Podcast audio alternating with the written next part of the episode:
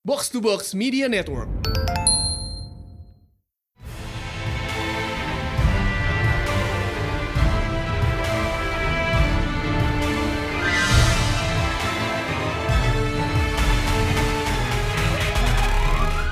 Welcome back to Peratelan Panel Show di mana kita membahas komik panel by panel bersama Mindan. Dan High Priest. Happy New Year. Kita punya episode spesial banget untuk mulai tahun ini karena kita punya tamu hari ini.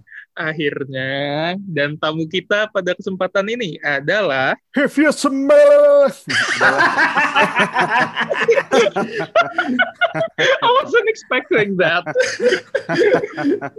finally. Uh, saya Aryo Anindito. Saya adalah seorang komikus yang tinggal di Bandung. Yap, eh, seorang komikus yang minggu ini baru launching satu pojok baru di Galaxy Far Far Away ya. Iya, hari ini eh, tanggal 6 eh, eh, worldwide ya seharusnya kalau di eh, tempat-tempat yang serentak ya hari inilah terbitnya tanggal 6. Yep. Mm-mm. Ya, so we have Aryo Anindito on our cre- creator spotlight this time. Thanks for having me guys. Iya, th- ini thanks Yeah, juga loh. Kita it's our pleasure. Okay, it's Ya. always nice to have guests. Ya, happy Ya. happy nih happy. Happy dong. Eh, ya, jadi ya kemarin it- kit- eh, minggu ini launching High Republic ya. Yes. Kayak eh, whole new era of Star Wars yang sebelumnya belum pernah di explore sebelumnya. Ya, betul. Sebelumnya belum pernah dieksplor sebelumnya karena sebelumnya belum ada sebelumnya ini. Betul. Oke. Ya oke anyway sebenarnya eh, di sini ya kita ngobrol-ngobrol slow ngobrol-ngobrol kayak sedikit ya picking your brain on some stuff juga sih. Oke. So, jadi ya first things first ya kita mulai dari dari awal aja nih. Pertama kali lo terinspirasi buat komik tuh dari mana sih? Kayak what made you uh, decide kayak oh gue mau jadi komikus gitu. Pertanyaan paling basic tapi emang paling necessary sih. Coba coba Oh. Eh sebenarnya simpel ini gara-garanya waktu kecil dulu gue sering dapat limpahan komik-komik dari sepupu. Jadi sepupu-sepupu gue tuh eh, doyan baca komik. Biasalah kalau sepupu-sepupunya sudah mulai dewasa, komik-komiknya dilimpahkan ke Dilungsurin ya. ah dilungsurin. Nah, kebe- kebetulan eh, komiknya komik yang dilungsurin tuh komik misurin, dilungsurin misurin gitu kan. Jebakan, Oh. jebakan umur. Ah, Ada umur ah, yang tahu misurin artinya udah tahu lah ya. Iya gitu dan itu kan komik-komik Eropa, komik-komik ya rata-rata Eropa sih paling ada Batman lah gitu sama X-Men Eh, terus eh, baca Smurf, baca apa R. Akosasi itu juga eh, dulu gue baca. Nah dari situlah terinspirasi pas baca komik kayaknya seru ya kalau misalnya gue bisa nentuin al- arah petualangan si karakter-karakter ini sendiri gitu. Nah gue akhirnya dari situ nyoba gambar-gambar. Eh, terus ya udah sama kayak anak-anak kecil yang lain lah pada saat itu eh, sering gambar-gambar anak-anak kecil kan rata-rata suka gambar gitu dan dari situ mikir gitu kayaknya enak ya kalau misalnya kerjanya tuh jadi komikus gitu bikin komik terus dibayar gitu ya udah dari situ awalnya terinspirasi Ya ada spare sih. Emang udah radicalized dari kecil lah ya jatuhnya. Mm-mm. Exposure sejak dini itu emang beneran Kuat, emang itu kuat.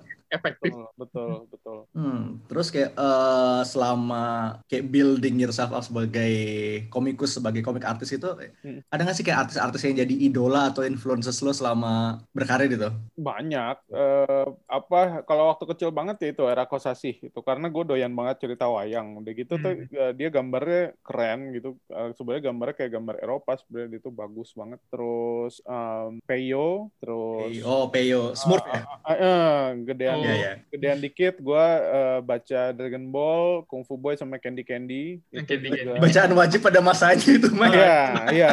Ada era di mana itu Iya. bacaan wajib sih. Ah, ah, tiga itu tuh udah harus banget dan itu influence-nya gede. Abis itu SMP baru gue terekspos pada Uncanny X-Men-nya Joe Mad. Nah, Hmm. itu awalnya komik US tuh. Iya. Uh, dari, uh, Joe dari situ, Mad. uh, dari situ terus Hellboy-nya Mignola. Abis itu Hmm. ngelihat ngelihat gambarnya Alex Ross. Nah, pas ngeliat gambarnya Alex Ross tuh gue inget sama komik Eropa yang dulu waktu kecil gue baca uh, bikinannya Don Lawrence tuh Trigun. Gambarnya mirip, uh, realis gitu pakai cat air. Cuman gue nggak nyampe skillnya ke situ.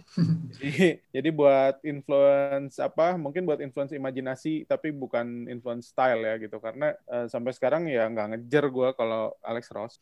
Ya tapi eh, en apa ya gambar lu tuh emang energinya tuh ada ya that you mention it kayak emang ada sedikit-sedikit energi Jomat juga sih ya. Iya, pasti. Iya. Nah, pasti kelihatan. Karena itu ngaruh banget. Itu yang pertama kali bikin gue suka sama komik US. Karena sebelumnya gue ngeliat komik US tuh kaku. Terus karena gue udah biasa ngeliat Dragon Ball kali ya, baca Dragon Ball yang dinamis banget gitu. Action, Hmm. oh berantem gitu. Kalau komik Eropa, eh, US kan banyak ngomongnya, actionnya dikit gitu kan. Tapi begitu baca komiknya Jomet itu dia tuh berhasil mencampur antara style US dan Asia dengan seimbang gitu. Jadi actionnya juga dapet, terus gambarnya tuh apa enak gitu dilihatnya nggak kaku gitu loh, fluid gitu. Terus tangannya gede-gede gitu ya, lu, apa bagus sih stylenya gue jadi suka gitu. Akhirnya itu menjadi ger- pintu gerbang gue ke komik US dan setelah itu gue baru ngerti eh, gimana menikmati komik US. Ya keren sih, ya kan. Terus eh, kayak jadi kayak lu udah ke-influence sama kayak banyak masukan dari artis-artis komik US gitu ya. Terus Mm-mm. awalnya gitu lo bisa break in ke Marvel and DC juga gimana ya cari ya ceritanya? Oke, ini gue menjawab pertanyaan ini untuk ke 7.428 kali. Pertanyaan wajib. Eh, awalnya karena gue suka majang gambar di internet. Waktu itu gue pajang sering seringnya sih di DeviantArt karena waktu itu belum ada Instagram, bahkan belum ada Facebook. Waktu itu baru ada Friendster. Jadi eh, mungkin baru-baru awal-awal ada Facebook kali. ya. Jadi gue majang-majang gambar di DeviantArt. Terus pada suatu hari eh, ada apa eh, agen pencari bakat eh, apa art talent agency gitu eh, dari Italia yang ngirim email ke gue. Uh, dia bilang gue suka sama gambar lo, mau nggak kita kerjasama? Uh, gue jadi representatif lo, nawar-nawarin karya lo gitu ya uh, ke publisher luar. Gitu. Nah gue kan pada saat itu masih pemuda Bandung yang lugu dan inosen gitu. Gue takut, takut ini scam gitu. Takutnya yang kayak I'm a prince of Nigeria, I have money apa gitu.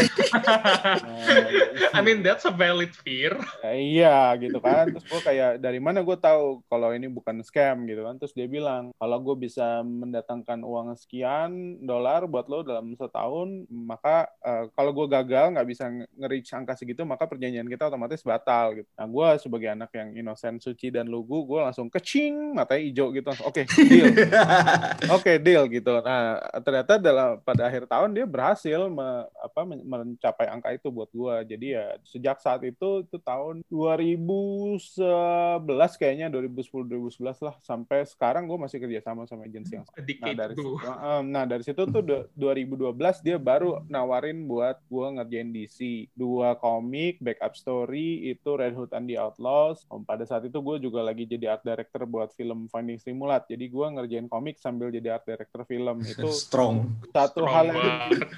satu hal yang tidak akan gue ulangi seumur hidup ya. Eh, Struggle. penyesalan tuh datangnya emang belakangan. Nah eh, dari situ terus gue lanjut kerja di advertising karena gue udah kontrak. Jadi DC waktu itu sempat nawarin eh, mau lanjut tapi gue nggak bisa karena cuti gue dari advertising itu hanya untuk ngerjain Finding Streamulat. Setelah itu gue harus masuk lagi dan nggak mungkin gue kerja advertising sambil bikin komik karena gue di kantor. Jadi ya udah akhirnya gue lanjut advertising 2014 eh 2013 bulan Juni atau Juli gue lupa gue memutuskan untuk ah, scrap gue udah nggak mau kerja di advertising lagi udah apa cukup lah kenyang gue terus gue pindah ke Bandung bikin studio sendiri namanya Stone Fruit Studio. Karena gue Terletaknya di buah batu. udah tahu ya. Eh, nggak usah panjang-panjang lah mikirnya ya buat namain studio ya. Eh, terus abis itu ya udah gue 2014 pertengahan akhirnya gue dapat eh, tes eh, tawaran untuk tes dari Marvel.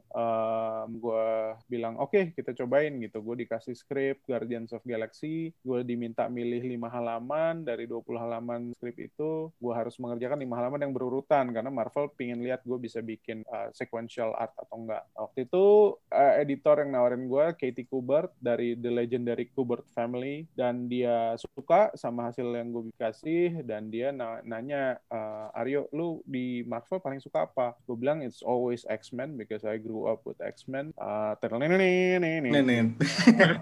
cuman gue nggak bisa nyanyi itu di email ya. Jadi gue cuman kayak nulis nenet gitu tapi gue nggak tahu Kirim dia- MP3 dong. Kirim recording. gue nggak tahu dia bacanya nadanya gimana. Nah terus eh, dia bilang oke gimana kalau kalau gue tawarin lu komik Wolverine, oh, gue uh, Wolverine tuh siapa aja karakternya? Ya, Wolverine sih mati, tapi ada X23, ada Daken, ada Mystic, ada Sabretooth, ada siapa lagi ya? Pokoknya karakter oh Lady Deathstrike. Pokoknya karakter-karakter yang menurut gue menarik karena I always love the bad guys. Uh, hmm. Jadi dan gue juga sempat ada gambar Wolverine yang di situ gitu. Cuman uh, focusing on the bad guys which I love. Jadi kayak of course man gitu. Gue gua gua mau dan ya udah kebagian ngerjain dua seri Wolverine habis itu macam-macam deh gue ngerjainnya sampai sekarang. Habis reka ulang covernya sama Kelly Hu ya? Iya, pasti datang. dan dia ternyata tangannya kayak gitu. Jadi kita jadi... bisa lihat dia lubang hidungnya baret-baret. jadi sekarang uh, masih tangentially related. Uh, proyek favorit so far nih, apaan? Proyek favorit so far sejauh ini ya yang sekarang dikerjain The High Republic ini. Iya. Yeah. Oh. karena karena uh, ini adalah proyek tersulit sekaligus proyek yang paling menyenangkan selama gue berkarir di Marvel. Kenapa? Karena I get to design a lot of things. Ooh lot of things. I get to design the planet, I get to design Jedi's, I get to design monsters, I get to design a lot of things. Jadi uh, kayak gue bisa menuangkan hayalan masa kecil gue di sini gitu. Yang iya. sebelumnya gue nggak bisa tuangin di komik-komik Marvel yang lain karena komik-komik Marvel yang lain udah set karakternya seperti ini, lokasinya di Earth misalnya gitu. Kalaupun di planet pun gue nggak nggak terlalu bisa ngayal terlalu jauh karena uh, karakter-karakternya semua udah set gitu. Kalau ini uh, eh, gue planetnya gue bisa ngarang sendiri, creature gue bisa ngarang sendiri, bahkan jadai-jadai yang nongol juga ada beberapa yang gue bener-bener ngarang sendiri. Deskripsinya tuh cuman minim gitu, tapi secara bentuk gue bener-bener dapat kebebasan buat gue ngarang sendiri. Jadi ini uh, sangat-sangat menyenangkan buat gue sebagai komikus karena gue berasa gue akhirnya ingat gitu kenapa gue mau jadi komikus gitu. Gue hmm. akhirnya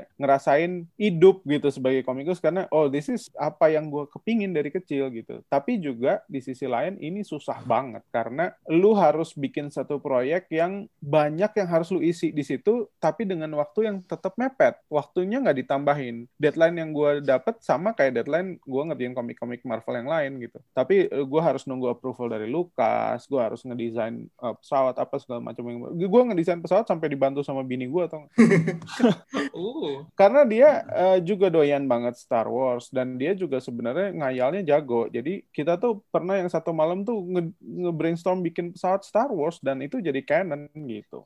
Gila, aktivitas Jadi ujung-ujungnya uh, family project ya jatuhnya. Iya. Uh, uh, uh. Tapi ya bener sih karena ini karena emang bener-bener baru kan unexplored. Dia kayak lo bisa lebih hmm. bebas dalam bikin segala macamnya gitu ya. Iya, exactly. Ya uh, ada beberapa elemen yang bener-bener apa mengikat kayak misalnya ada kitabnya lah High Republic itu ini yang harus di follow, yang harus diikutin nggak boleh melenceng. Itu gue ikutin. Tapi uh, yang belum ada di kitab itu gue bebas ngebikin. Ah, tuh. A free pass to go ham ya. Iya iya iya. Terus terus terus ini kan as we know beberapa tahun lalu lo pernah viral gara-gara apa sarung pedang macan Cisewi ya. Iya. Uh, Dan kayak sepenglihatan kita juga lo sering banget nih masukin easter egg kayak berbau Indonesia kayak misalnya. Iya. Kayak ada stone Stone Fruit angkot isi angkot tujuan Stone Fruit kalau salah saya di komik mana gitu gue lupa. Iya, gue juga lupa. uh, iya, pokoknya kayak komik something gitu, komik Marvel uh, ya. Terus yeah, segala yeah. macam kayak cameo cameo egg in Indonesia related gitu kayak. Uh, uh. Ini kayak emang iseng doang atau emang kayak subtly kayak buat your Indonesian audience gitu nggak sih kayak semacam semacam fan service gitu. Jadi gini, kalau buat gua uh, kalau kita kerja itu harus sambil seneng kan. Dan gimana Betul. caranya kita seneng sambil kerja ya kita naruh hal-hal yang bisa membuat buat kita terhibur gitu. Eh, buat gue naruh cameo atau trivia atau spoiler apa apa Easter egg di komik tuh it's a fun thing to do uh, dan it, itu gue gue tujukan untuk uh, having fun. Uh, hmm. Tapi gue nggak kepingin sembarangan having fun. Gue kepingin juga uh, memasukkan sesuatu yang elemennya Indonesia karena I'm a proud Indonesian gitu. Jadi uh, buat fellow-fellow Indonesian yang baca komik Marvel yang gue bikin, they will understand, they will know hmm. mungkin nggak nggak berarti buat komik apa pembaca-pembaca di luar, but itu emang ditujukan buat teman-teman fellow Indonesian yang yang baca ini gitu bahwa hmm. uh, satu gue naruh nama Indonesia di cover komik karena nama gue kebetulan namanya Indonesia banget, nah gitu. Nama gue bukan Luigi atau siapa gitu. uh, mirip-mirip Mario sih, tapi sebenarnya Ario. Ya beda dikit. Beda. Uh, Luigi and Ario. Nah, um, doesn't have the same tone to it, but iya.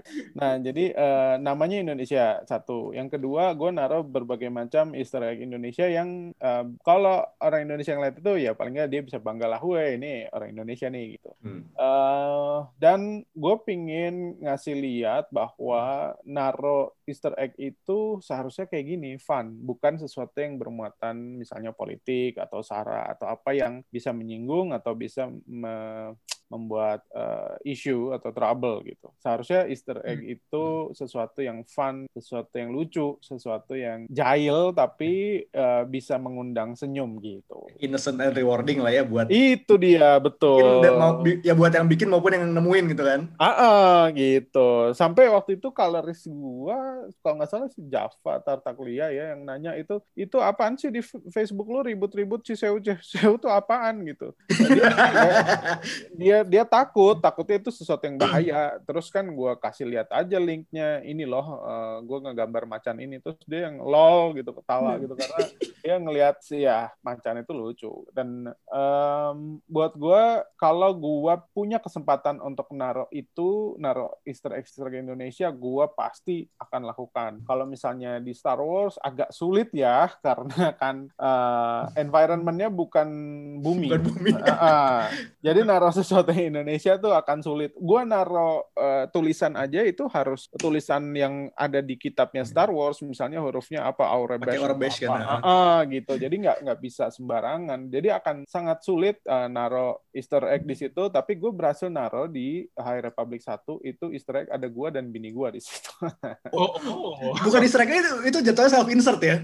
Iya, itu Easter egg. Ya. Easter egg yang narcisus itu. I mean if you can get yourself into Star Wars, why wouldn't you? Iya, jadi jadi jadi gue dan bini gue canon ada di Star Wars, tapi pas Luke Skywalker lahir kita udah mati. Ya, ntar tinggal nunggu cari itu, uh, tinggal nunggu entry-nya di itu di Wikipedia, lihat aja. Oh iya iya, iya.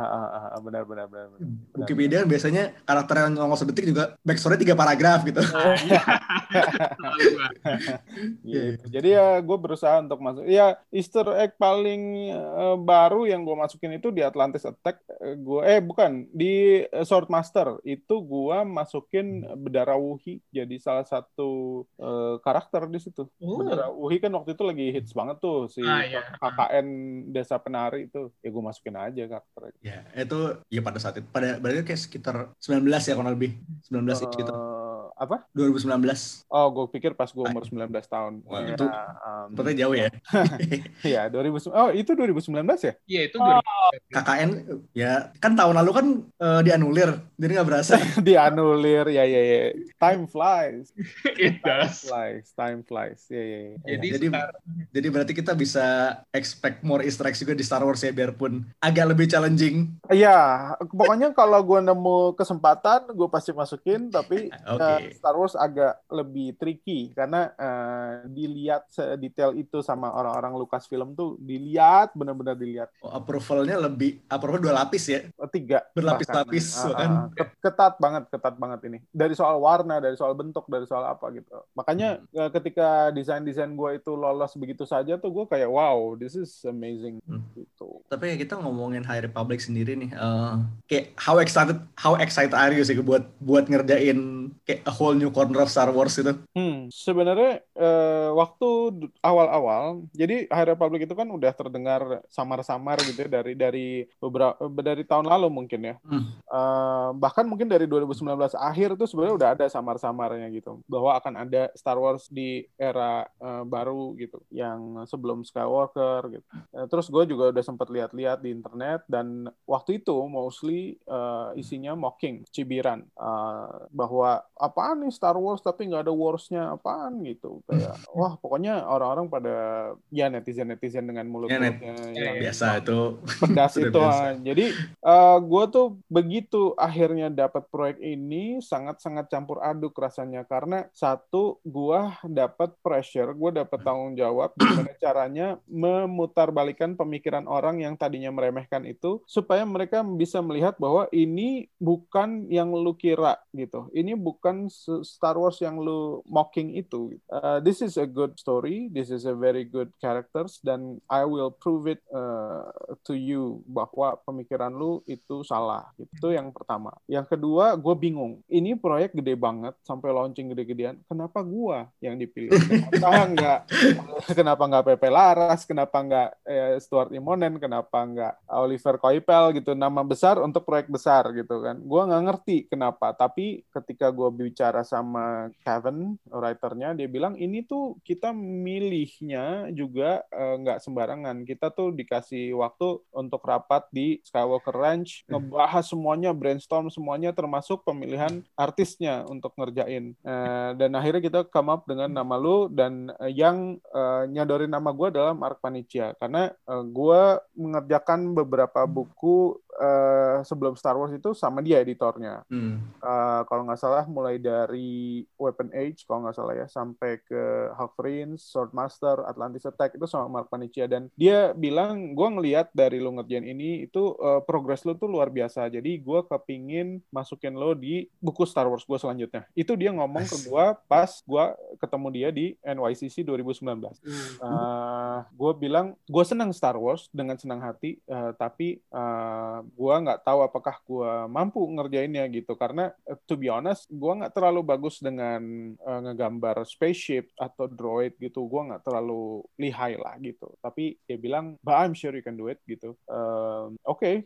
karena gue dulu pernah nolak uh, ngerjain komik Star Wars. Dulu banget sebelum gue ngerjain Star Wars annual. Uh, gue pernah ditawarin sebelumnya. Gue nggak bisa nyebut judulnya apa. Pokoknya waktu itu gue nolak karena as a fan of Star Wars I don't want to disappoint. Mm. I don't want want to disappoint because I I don't really enjoy drawing starship. I don't really enjoy drawing uh, droids and stuff like that. Uh, sampai itu cerita uh, kedengeran ke kupingnya Alan Kuah komikus juga di Malaysia dia udah senior ketika gue ke diundang jadi bintang tamu di Comic Con di Malaysia pas gue mau pulang dia uh, ketemu dia uh, nyamperin gue di airport dan dia kasih buku uh, Star Wars Spaceships oh, dikasih guide-nya iya dia bilang so you will have no reason ketika nanti ditawarin Star Wars lagi. Dan itu nempel banget buat gue ada orang yang nge-support gue sampai segitunya. Uh, terus akhirnya ketika ditawarin Star Wars annual ya gue nggak ada alasan. Ya udah gue terima. Dan ternyata gue di situ banyak banget ngegambar R2D2 dan ternyata enjoy juga gitu loh. Ngegambar droid nggak sesusah itu. Uh, dan sekarang di High Republic gue ngegambar spaceship tapi spaceshipnya desain gue sendiri. Jadi gue nggak susah gitu loh ngegambarnya. You can't be wrong if it's your design. Iya, exactly exactly. Gue uh, gue yang paling tahu gitu karena it's, it's my design. Nah terus uh, gue juga seneng banget karena selain gue ilustrator yang lain yang terpilih adalah Harvey Tolibao dia buat Star Wars High Republic Adventures kan? Oh. uh, dia sama IDW IDW uh, IDW kalau yang Marvel kan Star Wars High Republic. Kalau dia IDW uh, eh, apa? Uh, Star Wars The High Republic Adventures. Itu uh, nyeritain uh, grup Jedi yang lain gitu hmm. nah, gue baru nyadar tadi gue ngomong IDW itu Indonesia banget ya IDW iya, uh, uh, uh, uh, kayak WWW ide uh, uh, ya kalau IDW gitu kan sih Iya, IDW ha, gitu. uh, compromise between the two. Uh, tapi kan gue harus sok-sok uh, British gitu. Enggak di sini apa. Nah, Podcastnya Indonesia ini. Oh iya iya.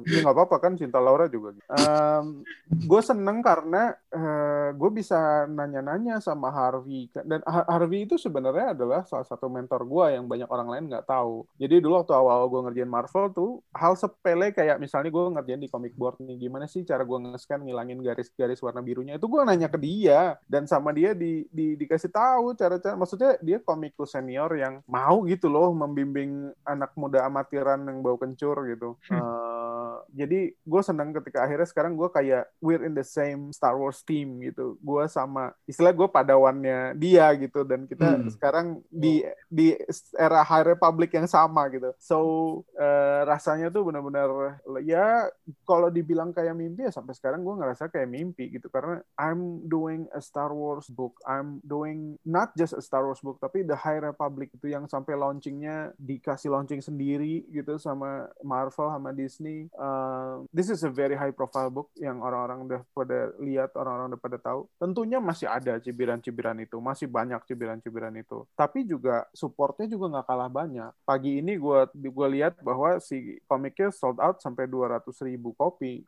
Uh, terus di Midtown yang online tuh cover gue udah sold out. Uh. Terus kita udah sampai second printing dan bahkan sepertinya kemungkinan besar akan masuk third printing. Oh. Jadi uh, mm -mm, jadi uh, dan dari review-review yang udah keluar tentang High Republic nomor satu itu orang-orang rata-rata suka dan bilang ke gue kelihatan banget lu enjoy ngerjainnya. Karena ya uh, kita kalau ngerjain karya seni kalau ngerjainnya dari hati itu orang akan ngerasain gitu. Sesuatu yang tidak hanya bisa dilihat tapi bisa dirasakan itu adalah seni. Jadi um, kalau ditanya gimana rasanya ya benar-benar campur aduk campur aduk banget gitu. Dan kebetulan tahun 2019 kemarin pas gue ke SDCC uh, bini gue maksa-maksa tuh ayo kita ke Anaheim ke Galaxy Edge. Tadinya gue ogah-ogahan kan ngapain sih ke Galaxy Edge ngeliat theme park Star Wars. Tapi begitu ke sana gue yang kayak ah oh, gue beli lightsaber gue beli ini. Gue mau naik Millennium Falcon apa segala macem gitu. Dan uh, ternyata dari situ gue belum tahu kan pas gue ke Galaxy Edge gue belum tahu bahwa gue akan ditawarin Star Wars. Gue baru tahu setelah abis itu gue ke NYCC baru gue tahu gue akan ditawarin Star Wars. Jadi ketika gue ke Galaxy Edge itu secara tidak langsung Tuhan mempersiapkan gue untuk mengerjakan High Republic gitu. Uh, jalan takdirnya seperti itu. Karena foreshadowing dulu nih foreshadowing. Ah, ah, foreshadowing betul betul. Dan gue hampir semua title-title yang gue dapat itu ada foreshadownya. It's weird but it happens. Kayak pas gue mau ngerjain komik Venom, itu gue baru beli action figure Venom. Abis itu tiba-tiba malamnya gue dikasih email sama editor ditawarin bikin komik Venom. Jadi kayak gitu banyak banget foreshadow foreshadow yang yang nggak masuk akal gitu. Nah waktu ke Galaxy Edge itu kan konsepnya mereka theme park tapi uh, role play gitu. Jadi kita ada di satu planet baru namanya Batu gitu. Hmm. Bener-bener gitu ya. Uh, uh, Alpos bener dan itu situasinya dan environmentnya bener-bener asli kayak kita nonton Mandalorian kayak gitu. Enggak enggak jadi kayak kita mendarat di planet asing gitu. Terus semua pegawai-pegawainya juga role play. Jadi mereka acting like they are people of Batu. Jadi kalau ditanya tentang Earth atau San Diego atau apa mereka nggak tahu ya. nggak tahu gitu dan ada ada stormtrooper patroli gitu ada ada Ray uh, Ray Palpatine itu uh, dia jalan-jalan uh, ada Cubaka jalan-jalan gitu. Jadi kayak bener-bener kayak kalau gua belum pernah ke sana, mungkin gua nggak dapat feel-nya uh, apa hidup dan jalan-jalan di planet di Star Wars Universe gitu. Tapi karena gua udah pernah ke sana, pas gua ngerjain komiknya, gua tahu rasanya gitu. Jalan-jalan di situ, gua di planet lain, ketemu alien, ketemu creature, ketemu orang-orang yang emang bukan dari bumi gitu. Jadi kayak udah dikasih jalannya dan udah dipersiapkan gitu. Berarti emang udah apa ordained dari apa namanya you are the chosen one Aryo gitu ya ya, ya. Aryo Kin Skywalker yo masih masih masuk lah ya oke jadi hmm. ini masih relate to Star Wars hmm. dan in case High Republic selesai dan lo dapet tawaran lagi buat you pick your own Star Wars eh hmm. your own dream Star Wars character to draw hmm. eh, dapat solo book who would it be Asajj Ventress Ooh. yes choice. kenapa tuh? Kenapa tuh? First, I love the uh, karakter yang rada-rada bad villain gitu ya. Jadi dia nggak yang oh, lurus, baik, uh, goody-goody gitu. Gue suka yang ada jahat-jahatnya, tapi sebenarnya Asas Ventress in the end dia redemption. Dia nggak nggak jahat. Ternyata terakhir dia menembus semua kesalahannya itu. Jadi itu karakter arc-nya gue suka. Bentuknya gue suka. Uh, the fact bahwa dia sempat jadi pengawalnya Count Dooku juga keren gitu. I I just love everything about this character and um, she's one badass aja. Gitu. Keren, emang keren banget. Oh satu hal yang tadi gue pingin ngomong tapi lupa gini. Uh, gue tuh kan kerasanya kayak mimpi ya ngerjain Star Wars sampai sekarang gitu ya. Tapi somehow somehow gue I haven't got the grasp of it segimana besarnya ini buat gue itu sampai akhirnya gue nonton Mandalorian season 2 episode terakhir. Uh, apa tuh? Uh. Pas ada si karakter itu keluar, karakter berjubah hitam berlayar yeah. jauh oh, itu. If you know, you know, ha. Huh? Iya, pas dia keluar itu, uh, ya gue pasti jauh drop ya, rahang gue udah kayak mangap dan gue nangis. Gue nangis kayak, man, ternyata segini loh efeknya Star Wars buat gue. For me, for my life gitu, bahwa ngelihat satu karakter sosok ini aja bisa bikin gue nangis, man gitu. Jadi kayak, this is a big thing, this is a big deal in my life, and I'm working on a comic book in the same universe with these characters, with the Mandalorian, with uh, Din with uh, that particular Jedi. That guy. ah, gitu. Jadi itu itu bikin gue kayak oh my god, I'm I'm I'm actually doing something that really affect my life, that really matters for me, and maybe for many many many other people yang yang kalau gue lihat di YouTube juga pada nangis gitu dan uh, teman-teman gue juga gila men gue sampai nggak nyadar mata gue becek gitu kayak hmm. oh my god it, it, it feels really special gitu. Dream come true gitu jatuhnya ya. Yeah, it's a dream come true. Tapi emang eh Star Wars kayak has that effect kayak buat banyak orang sih. Karena gue juga dulu nonton Force Unleashed, Force Unleashed apa? Force Awakens. Nah, hmm. itu nangis. Kayak iya kan? Film Star Wars pertama gue yang gue tonton di bioskop soalnya. Iya kan? Bayangin ini karakter fiksi yang bisa bikin lo sampai nangis gitu loh. Okay. It's it's that big in your life gitu. Yeah, I, I get the feeling. Dan, dan sekarang kayak lo uh, actively contributing ke dalam mitos itu. Exactly. Kan? Actively contributing. I created so many things yang canon di situ. Dan gue membuat ini kan High Republic nomor satu nih uh, semacam uh, sejarah ya di di dunia Star Wars gitu. Ini nomor satu High Republic milestone lah di dunia Star Wars itu. Dan orang Indonesia yang ngerjain komiknya. Man, you're literally making Star Wars history. Exactly. I will be in the Star Wars history dan gue berharap ini akan membawa Indonesia masuk di sejarah Star Wars gitu selain uh, uh, Kang Cecep dan Kang Yayan gitu. Iya, benar-benar. Oke. Okay. Uh, Oke, okay, mungkin satu lagi yaitu close out aja. Uh, hmm. Cepet banget udah mau close aja. oh, masih mau mau lagi? Bisa gue pikir, gue, pikir tiga hari loh nih. Oh, seminggu bisa kalau mau.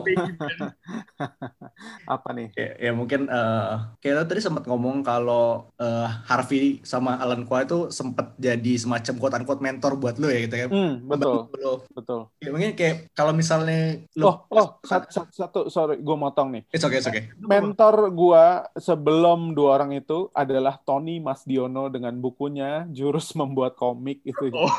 Oh, ternyata Tony Masdiono ya, ya. Itu mentor komik gua yang pertama itu. Legend. Legend itu Om Tony. Itu kalau ngomong mentor gua tuh Master Jedi gua ada tiga berarti. Kalau kalau Yodanya adalah era Kosasi apa era Kosasi itu Yodanya buat gua. Habis itu ada Om Tony, ada Harvey, ada Alan Kuah tuh. Gua belajar banyak dari orang-orang. Iya, sempat ketemu juga sama Om Tony. Emang orangnya oke okay banget sih. Wah, dia mah kalau udah ngeluarin full powernya gila sih gambarnya. Gila, detailnya gila, gila. Oh, speaking of gila ya, kalau lu baca High Republic nomor satu nanti di uh, forwardsnya di belakangnya, bukan forwards ya, uh, kata-kata afterword, afterword gitu ya. Itu dia lihat uh, uh, uh, itu ada kata gile gitu dari gua. itu elemen Indonesia yang gue masukin ke buku Star Wars. gile gitu. Biar orang biar orang biar bule-bule pada tahu ya gile itu apaan. Oh ya, gue tulis di situ gile means wow in Indonesian language gitu. ya tadi pertanyaan apa? Ya, tadi eh uh, ya lo punya mentor kayak mm -hmm. ya orang tadi ya kayak, kayak if you have the chance to pay it forward kayak lo bisa ngasih tips apa sih kayak buat let's say artis-artis yang pengen starting atau emangnya pengen mencoba untuk breaking into like big comics gitu? Petuah-petuah nih. Aja gile petuah-petuah apa ya? Um, paling pertama sebenarnya uh, attitude ya. Mm-hmm. Attitude itu itu itu penting banget. Jadi attitude itu luas cakupannya. Attitude dalam arti uh, ke diri sendiri secara internal, lu mesti punya face bahwa uh, lu bisa. Uh, terus lu juga mesti punya passion karena kalau menurut gua komikus uh, artis kalau dia itu bukan passionnya susah. Karena kalau dia itu passionnya, uh, dia akan gambar tanpa beban. Jadi gua dulu waktu kecil uh, dari SD terus uh, SMP SMA kuliah gitu, semua orang yang kenal gue deket itu pasti ke mana-mana ngelihat gue tuh bawa sketchbook dan ngoret-ngoret gambar apa aja. Dan orang kan pasti nanya gitu ya, lo nggak bosen gambar mulu gitu? Enggak, gue nggak bosen karena itu passion gue. Gue nggak ngerasa jenuh, gue nggak ngerasa capek, gue nggak ngerasa bosen. Gue seneng karena itu passion gue. Ya pastinya ada lah momen-momen di mana gue enek gambar terus ada gitu. Tapi ketika gue uh, gambar gitu ya selama ini gue latihan apa segala macam itu nggak jadi beban buat karena itu passion. Dan kalau udah passion itu kayak burning fire that you cannot put out. Lu nggak bisa padamin itu gitu. Ada orang yang harus memadamkan passionnya itu take a great toll. Uh, akhirnya dia ngaruh ke psikologisnya karena dia harus mengorbankan sesuatu yang sangat-sangat dia sayangi dan bahkan itu jadi core jiwanya dia gitu. Uh, itu harus harus punya faith ya, harus yakin sama diri sendiri bahwa nothing is impossible. Harus punya uh, passion, uh, harus harus latihan tentunya ya gitu. Dan uh, masih bagian dari attitude adalah harus bisa menghargai proses. Nggak ada yang instan. Harus bisa menghargai proses. Jangan uh, pure mengejar fame and exposure. Kalau awalnya gambar terus-terusan itu adalah pingin terkenal karena jadi komikus Marvel atau apa, itu lu udah salah jalan. Lu gambar karena lu suka gambar. Lu jangan mengejar fame and fortune dan uh, exposure dan duit gitu. Semua orang butuh duit, jelas. Semua orang dan exposure juga bisa bermanfaat banget gitu. Uh, gue sekarang dengan exposure yang ada buat gue, gue bisa uh, dapat endorse dari sana sini, gue bisa dapat alat yang mahal banget dengan gratis gitu. Tapi ketika lu dikasih exposure, sebenarnya di situ ada tanggung jawab buat lu. Eh, tanggung jawabnya apa? Tanggung jawabnya adalah lu gimana caranya exposure yang lu punya itu bisa bermanfaat buat orang lain. Misalnya, uh, lu terkenal bukan buat diri sendiri gitu loh. Lu terkenal harus bisa bermanfaat buat orang lain. Yang gue pakai sekarang nih, sekarang misalnya nih gue diwawancara atau gue masuk koran atau gue masuk TV, gue berharap dengan seperti itu, gue bisa nginspirasi artis-artis baru, artis-artis muda, bahwa nih loh orang dari Stone Fruit, dari Buah Batu, dari Bandung, bisa ngerjain komik Star Wars buat Marvel. Pasti gue juga bisa. Gue berharap mereka berpikir kayak gitu. Karena kita makan sama-sama nasi, sambal terasi, tempe, tahu. Dan bahkan gue kalau di compare sama anak, -anak zaman sekarang, gue nggak punya alat-alat yang mereka punya sekarang. Sekarang aja ada Wacom, ada Cintiq. Sekarang ada tutorial YouTube. Zaman gue dulu waktu SMP, mana ada kayak gitu. Gue harus belajar dari buku How to Draw, gue harus uh, gambar tuh tradisional dulu segala macem. Wacom tuh mahal banget gitu. Uh, sekarang sih gue alhamdulillah di endorse sama Wacom jadi gunakanlah Wacom untuk segala situasi kreativitas anda ini termasuk dalam brief juga ya?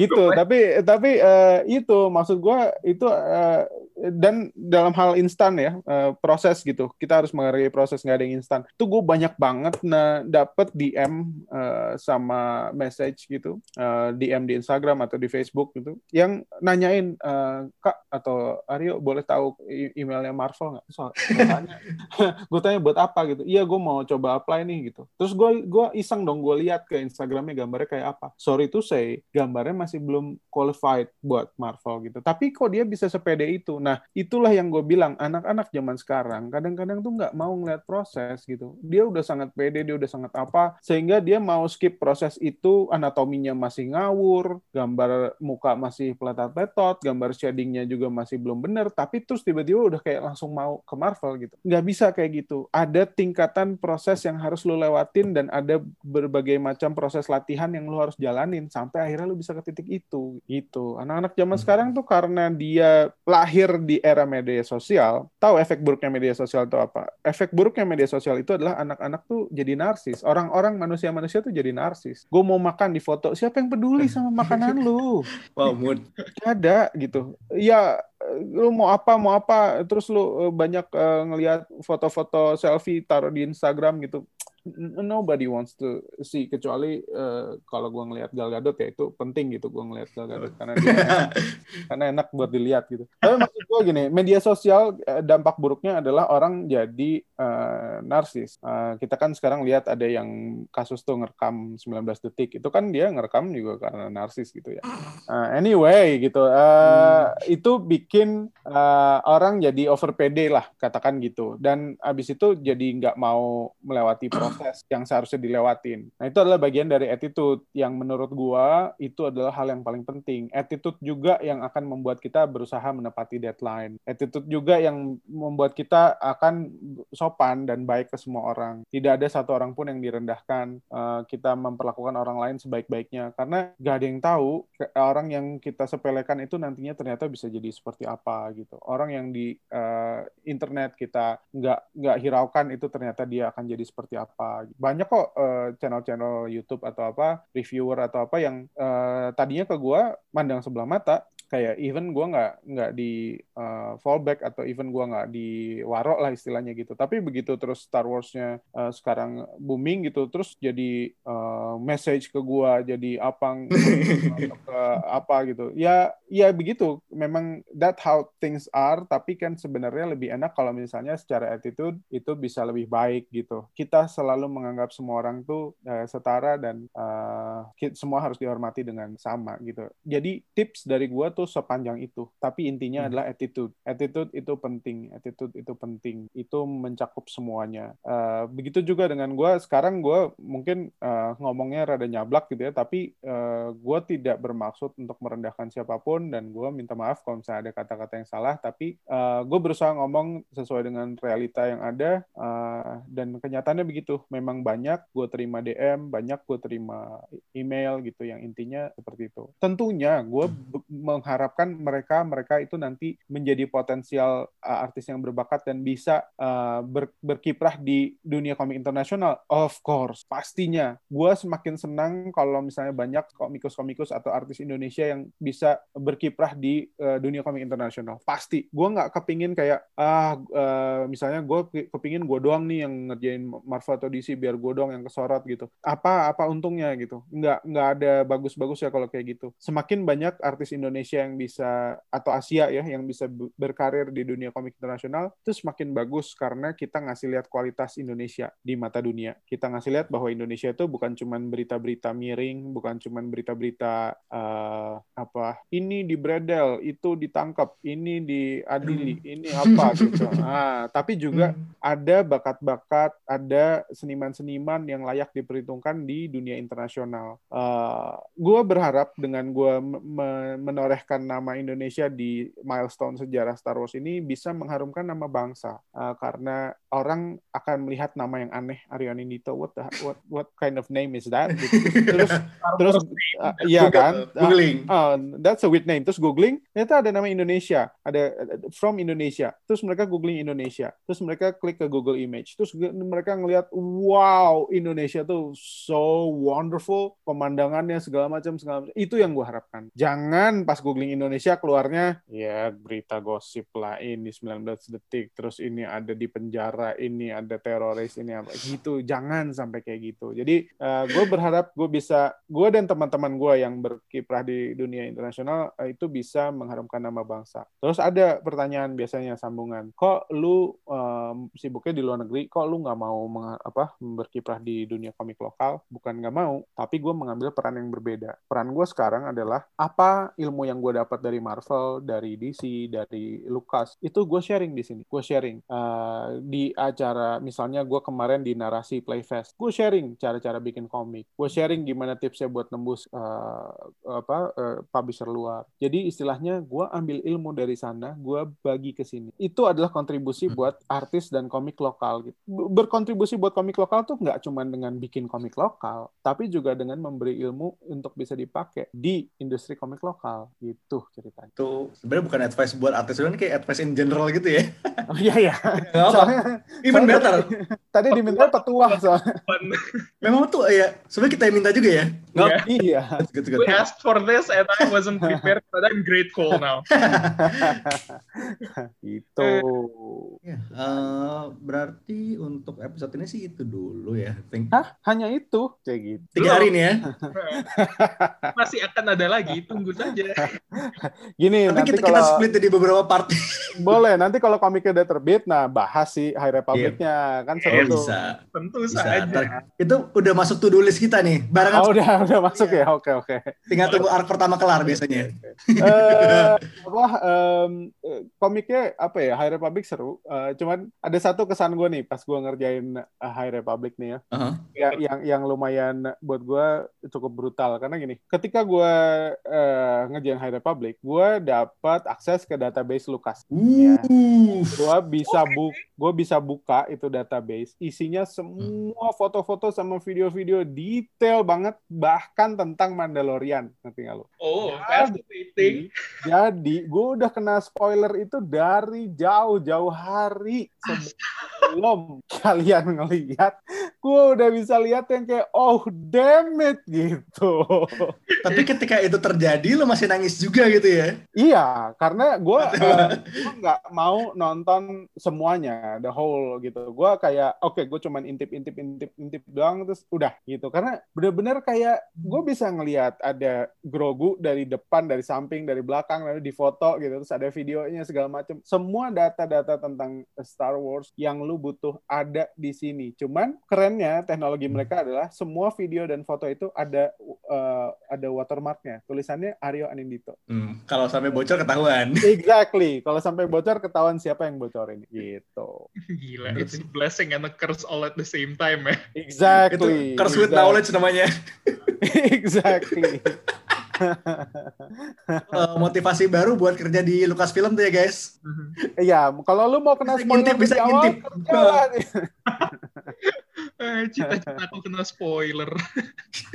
tapi tapi tapi uh, uh, apa all in all ya, gue sangat sangat optimis dan gue sangat sangat bangga dengan perkembangan komik Indonesia. Gue sangat sangat bangga dengan talent talent yang ada sekarang karena gila tau gak gambarnya. Skillnya tuh wah gila. Uh, gue di umur umuran mereka gambar gue belum sampai segitu. Jadi uh, gue ngelihat masa depan yang sangat cerah buat komik Indonesia uh, dan gue berharap uh, mereka bisa menumbuhkan industri komik lokal dan juga bisa berkiprah di uh, industri komik internasional tentunya. Whatever uh, which path uh, they choose, yang penting mereka punya attitude yang baik, mereka bisa mengharumkan nama bangsa uh, baik di lokal maupun di interlokal.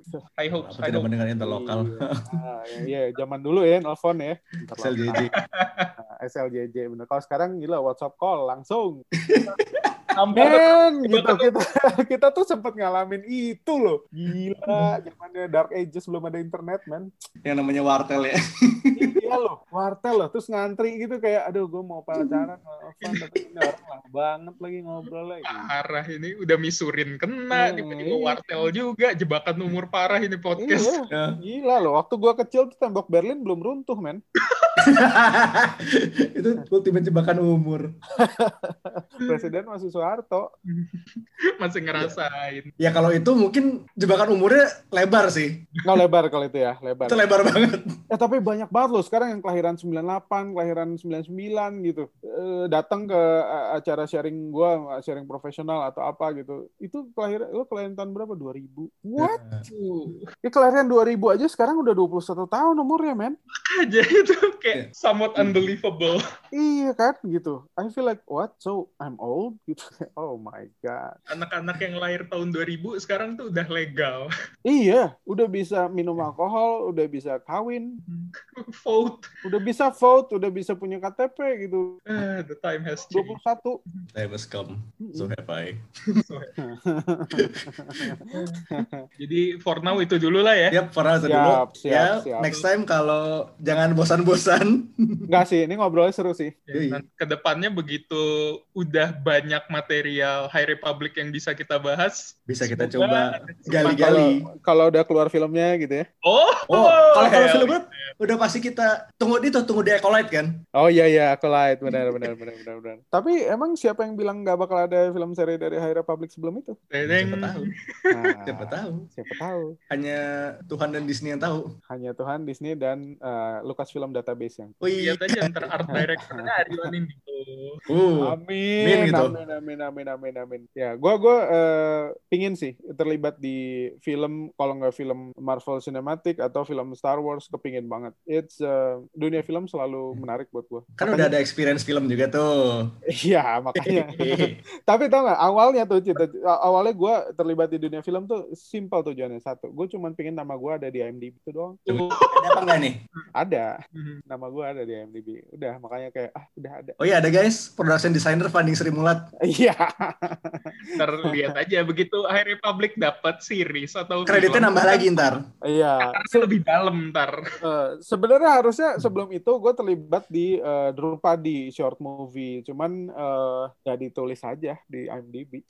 Iya, kan itu baru satu. Ntar nambah. Ya, amin amin. Amin, amin, itu. Star Wars, Star Wars. Uh, atau gue meranin jadi grogu remaja kan bisa aja kan.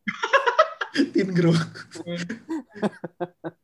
kan Grogu kan Baby Yoda. Di High Republic kan uh, Yoda middle age ya, jadi Daddy Yoda. Daddy Yoda. That's a good one. That's a good one. Kalau jadi Daddy Yoda ganti juga namanya jadi Grogi. Malu-malu dong. That joke. Ya, itu banyak. Gitu. Bapak sih ya. yeah. umur lah. Yeah. It's been fun guys. It's been yeah. fun. Nanti nanti fun, kita ngobrol lagi. It's a pleasure ya. Yeah. Jadi thank you, thank you thank for you. having me. Ya, Sario. Uh, Sama-sama, thank you banget. Ya, yeah. so ya untuk yang lain we'll be seeing you next week with the episode. Uh, uh. Oh ini uh, kumpulin huh? aja pertanyaan tuh kan uh, oh, di, iya, di, di Instagram tuh, ha, di Instagram. Nah boleh nih tuh. Kumpulin pertanyaan buat next kita ngobrol lagi. Pasti ini bisa nih. If you're hearing this now kayak lu kumpulin aja message ke IG, uh, ke Twitter, kayak wherever you can reach us. Ntar bisa kita forward ke orangnya. ya, ya. Jadi jangan lupa subscribe ya ke channelnya. eh, jangan ada sosmed yang mau di-plug bisa ke uh, Aryo Anin Instagram itu aja sih Instagram aja Aryo Anin. Oh Instagram aja yakin yang lain nggak mau. Kalau Facebook suka ada foto-foto gue yang pribadi suka malu okay. gue. Ya. Ya udah berarti itu yang dipublish Instagram aja tuh. Instagram aja Aryo Anin. Ayo di follow di follow. Follow Twitter juga ada Aryo Anin kalau mau boleh udah. Antek Lukas film loh ini sekarang. Antek Lukas. Antek-antek baginda curut juga by extension. Eh, dulu waktu kecil gue cita-cita uh, pingin kerja buat Disney loh, kesampaian juga ternyata. Sekarang kesampaian, iya. gila. Sampai kan tuh? Iya, mungkin uh, meskipun sampainya juga gara-gara diakuisisi ya. Hitungannya masih Disney. Hitungannya masih Disney, betul betul. Life has its way, tenang. Yes, yes. This Life is uh, finds a way. Life finds This a way. This is the way. This is the way.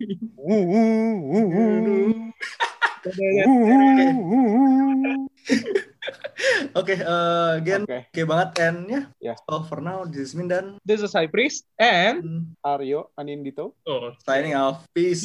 Peace. Bye bye. May the force be with you. Yo. Bye bye.